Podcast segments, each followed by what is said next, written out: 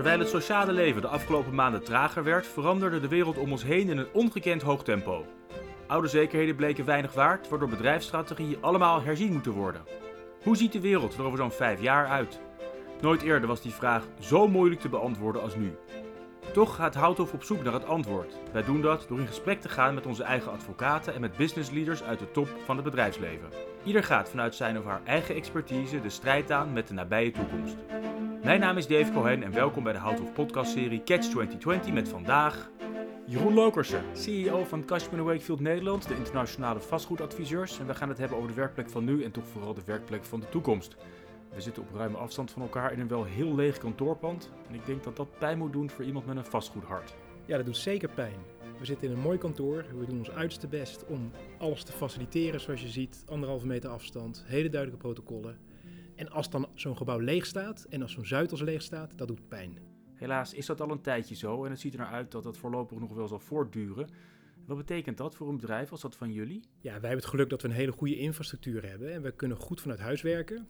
Maar wat het betekent is dat wij gewoon veel meer moeite zullen hebben om, om die cultuur en die organisatie uh, samen te houden, samen die ambities te gaan realiseren. Maar ook, ik vrees toch dat, de, dat, de, dat de wereld om ons heen vertraagt. En als het vertraagt, betekent dat we minder acquireren en dat we ons een beetje zorgen moeten maken van hoe het komend jaar eruit gaat zien. Over de toekomst van de vastgoedmarkt gaan we het uiteraard nog hebben. In de vorige aflevering van deze podcast werd daar ook al een vraag over gesteld door Edward de Bok, arbeidsrechtadvocaat en managing partner bij Houthof. Laten we daar eerst eens naar luisteren. Nou, beste Jeroen, waar uh, ik nieuwsgierig naar ben, is wat jij denkt uh, of de nieuwe anderhalve meter economie nou juist de behoefte aan werkplekken creëert, omdat we op afstand van elkaar moeten werken, of dat de coronacrisis dusdanig heeft aangetoond dat thuiswerken een goed idee is en een goede mogelijkheid is, dat we minder vierkante meters gaan afnemen. Dat vind ik een leuke vraag en ook een belangrijke vraag. Maar het antwoord is wat minder eenvoudig. En wat mij betreft gaat het niet over meer of minder, maar gaat het vooral over relevanter. En de kantoor- en werkomgeving wordt zeker relevanter, omdat de keuze omtrent die huisvesting voor elke werkgever belangrijker gaat worden. Je moet namelijk concurreren met een thuiswerkplek. En als je dat moet doen, dan moet je zeker weten dat je iets in de omgeving creëert waar werknemers graag naartoe willen komen. Daarmee zeg je dus dat die werkplek thuis hoe dan ook zal blijven? Nou, de werkplek was natuurlijk voor heel veel mensen al een blijvertje thuis. Want wij werken met de telefoon, we werken met een laptop. En heel veel mensen werkten al gedeeltelijk thuis.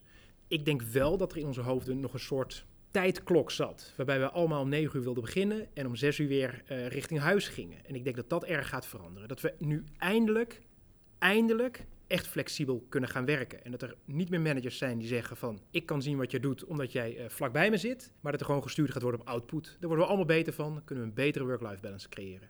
Maar als dan niet iedereen tegelijk naar de werkplek komt, dan heb je toch minder vierkante meters nodig? Uh, ja, je hebt zeker minder metersruimte, uh, minder meters nodig voor die feitelijke werkplekken. Maar als je de kantoor wil gaan gebruiken uh, als nog meer een ontmoetingsplek, nog meer een plek waar cultuur geborgd wordt, nog meer een plek waar je dan zit met goede werkplekken, nou, dan vind ik het nog wel interessant te zien wat er gebeurt. Ik vind dat je als werkgever je medewerkers serieus moet nemen. Dat betekent niet zo'n klein mogelijke werkplek geven, maar een goede werkplek geven. Waar iemand het maximale uit zichzelf kan halen. En als je dat vertaalt naar wat dat betekent voor het gebruik van meters, dan denk ik dat we op korte termijn aan het nadenken zijn over kostenbesparingen. Maar op lange termijn ben ik ervan overtuigd dat de werkomgeving, het kantoor, cruciale succesfactoren kunnen zijn voor organisaties. Is dat dan het einde van het adagium locatie, locatie, locatie? Geen bedrijfsterreinen meer bijvoorbeeld langs de snelweg? Nou, lo locatie, locatie, locatie heeft altijd heel erg uh, gegolden. En dat blijft ook gelden. De locatie is vaak bepalend of je wel of niet talent kan aantrekken. De locatie is bepalend of mensen daar graag willen zijn. Dus ik denk dat we ons nog veel bewuster worden van de locatie. De karakteristieken van wat is dan een goede locatie, dat verandert een beetje. Vertel, wat is dat dan? Nou, waar je vroeger heel erg zou zeggen van het gaat voor mij alleen maar over het openbaar vervoer. Misschien zeg je toch wel van ik wil dat je met alle mogelijke vervoerstromen daar goed kan komen dat kantoor. En dat is niet alleen OV, maar misschien nu wel iets meer de fiets en lopen. Misschien is het ook wel iets meer dat je zegt van ik wil gewoon dat je goed met de auto bij ons kan kan komen op die locatie. En dat is bewuster zijn. de trend in met de auto moeten komen. Ja, en toch zie je nu dat dat wel weer heel belangrijk wordt. Om gewoon alle vervoerstromen uh, te zien als relevant. En ik denk dat het fijn is dat we meer gaan fietsen en meer gaan lopen. Ik denk dat het goed is dat we ons bewust zijn van het OV. Uh, maar je moet gewoon zorgen dat je faciliteert uh, voor je medewerkers optimaal uit zichzelf te halen.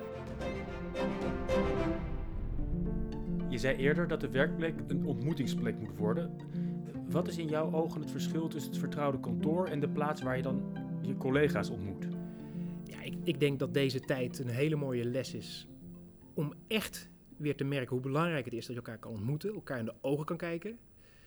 Dat als je ergens naartoe gaat en je gaat er voor een half uur in de trein zitten, of op de fiets of in de auto, dat je dan ergens wil komen waar ook dat echt gestimuleerd wordt en gecreëerd wordt. Ja, en als je daar heel bewust van bent, dan zal je Maar zien hoe dat wordt het gecreëerd en gestimuleerd? Nou, door, door juist eh, een omgeving te creëren waar je bij elkaar kan zitten, waar je een, een sfeer creëert die eh, tot, tot het realiseren van ambities eh, Maar geldt. wa- betekent dat toch overal weer de tafel, voetbaltafel en de pingpong? Nee, ik vind dat niet de stimulans die je zou willen hebben. We hebben een mooie voetbaltafel, we hebben ook een mooie biljarttafel, dus dat is allemaal, zijn leuke gadgets. Maar de gadgets zijn vooral dat je elkaar kan ontmoeten en met elkaar kan praten. En tegelijkertijd, ja, laten we het niet vergeten, ik vind het de verantwoordelijkheid van de werkgever om gewoon hele goede werkplekken te realiseren. Ja, maar en daarin adviseer jij. Ja, dat, dat is onze core business. Ja, maar wat is dan het advies? Want een goede werkplek is nog niet concreet. Nou, dat, dat hangt. Dat, het is in ieder geval niet meer zo wat we jarenlang gedacht hebben om zoveel mogelijk mensen in een kantoor te kunnen proppen. En Maar dan heb je nog flexibeler. Eh, Hoe, hoe, hoe meer ruimte, hoe makkelijker jij... eh, Nou, ons commercieel belang is vooral beweging. Ja, als iedereen nu besluit te verhuizen, het zou voor ons fantastisch zijn. Dat geeft heel veel adviesmogelijkheid. Ik denk dat wij vooral nu zien dat eh, voor elke organisatie die eisen verschillend zijn. De ene organisatie heeft eh, veel meer werkplekken nodig, en de andere organisatie heeft meer ruimte nodig om klanten te ontvangen. En juist dat helemaal op maat maken, dat wordt belangrijker voor organisaties. Laten we proberen een soort van gemiddelde te maken. Eh, een kantoorruimte, even ongeacht van hoeveel mensen. Veel bureaus met een computer. Eh, er moet een koffieautomaat zijn en een plek waar je je boterham eet tussen de lunch. Een kantoor. Hoe ziet dat kantoor er volgens jou dan uit als zometeen eh, de rook van corona opgetrokken is? Nou, dat is voor mij echt maatwerk. Ik zou het heel mooi vinden, hè, even vertalen naar jullie. Het is heel fijn om binnen te stappen. En Jullie, je bedoelt uh, Houthof. Houthof. Jullie willen een bepaald soort talent aantrekken, een bepaalde organisatie zijn, een bepaalde uitstraling naar je klanten. Ik zou het fijn vinden als je het overal kan terugzien. Dat is de manier ook om het talent ja, bij je binnen te krijgen en vast te kunnen houden. Het juiste talent, wat, wat bij jullie past, wat bij jullie klanten past. Klinkt ook alsof er een prijskaartje aanhangt. Ja, daar hangt zeker een prijskaartje aan. En huisvesting is ja, weer niet zo heel belangrijk. Dat is in de totale prijs en de kostenpost van een organisatie een heel klein percentage. Dat personeel, dat is je grootste kostenpost voor vrijwel elke organisatie. Ik denk je dat serieus moet nemen. En dan moet zorgen dat ze zo optimaal mogelijk kunnen werken. Wat kan echt niet meer? Eh, wat echt niet meer kan, is zoveel mogelijk mensen in een ruimte proppen om eh, eh, allemaal aan het werk te gaan. En eh, s ochtends moeten racen om een handdoekje op kantoor te leggen, zodat je daar kan werken. Dat vind ik echt heel raar en heel vreemd dat we dat normaal vonden als werkgevers. Want dan vergis je één heel groot ding. En dat is namelijk dat talent, dat dat het belangrijkste is als organisatie om aan te trekken. Maar misschien nog wel te behouden ook voor de langere termijn. Open werkplekken? Open werkplekken kunnen zeker. We willen heel graag open werken. Er zijn heel veel activiteiten die juist in een ruimte met open werkplekken goed gaan. Uh, het moet alleen weer niet zo zijn dat je dan zoveel mogelijk broodjes erin moet proppen. Maar open in een ruimte zitten, heerlijk. Ik geniet ervan. Ik zit hier in het werkcafé bij ons kantoor. Ik vind het jammer dat we met z'n twee zitten. Ja, nee, dat, dat vind ik ook. Het uitzicht, uh, daar is het uh, niet om te laten. Maar ook herrie als je hier met z'n allen zit, om dan te werken. Ja, en dat is ook het mooie. Als we één ruimte verder lopen, heb je fantastische concentratieplekken. Dus als je een hekel aan herrie hebt, en een hekel aan levendigheid... en een hekel eraan om te voelen dat wij makelaar zijn... dan hebben we schitterende plekken waar je kan concentreren... in een open kantoorvloer, maar ook in echte concentratieplekken... waar het gewoon helemaal, helemaal stil is. Het zijn onzekere tijden. Grotere dooddoener is haast niet mogelijk. Wat wel zeker is, is dat er hier en daar toch wel flinke pijn geleden wordt. Hoe is dat voor de vastgoedmarkt in zijn algemeenheid? Nou, ik denk dat er zeker pijn geleden gaat worden. Een aantal aspecten is dat natuurlijk zichtbaar. In de retailmarkt kan je dat zien. Aan zowel de kant van de gebruikers als aan de kant van de beleggers die het zwaar hebben. Um, maar ik denk, als je neergaande economie hebt en krijgt, dan wordt er pijn geleden. En ja, ik zou zeggen bij vastgoed, wij zitten midden in de crisis, midden in die pandemie. De mist is groot, dan moet je niet hele belangrijke lange termijn beslissingen maken. Dan moet je eerst eens kijken welke kant op gaat en dan goed gaan bepalen wat dat betekent voor je huisvestingsstrategie. Wat verwacht je van de komende jaren? Veel leegstand of herontwikkeling? Of gaat het landschap er eigenlijk helemaal niet zo anders uitzien? Nou, de correlatie met de macro-economie en vastgoed is groot. Dat zou ook betekenen dat wij verwachten dat leegstand wat verder gaat oplopen de komende tijd. Aan de andere kant denk ik dat vastgoed inderdaad een bewustere keuze wordt. Niet meer alleen maar wat vroeger de hobby van de CEO was, wat een aantal jaren de drijfveer van de CFO was, zo goedkoop mogelijk, zoveel mogelijk mensen erin. Recent was dat de keuze van de HR-manager, alleen maar over het talent, plezier. Het wordt straks de keuze van de hele boardroom. Met elkaar bepalen hoe die vastgoedomgeving eruit moet zien om zo succesvol mogelijk te kunnen zijn op lange termijn. En met straks bedoel je uh, post-corona?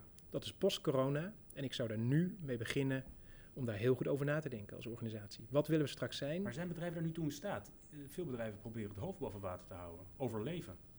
Ja, de- de- en, en dat begrijp ik ook heel goed. En dat is ook op de korte termijn zal kostenbesparingen de belangrijkste drijfveer zijn.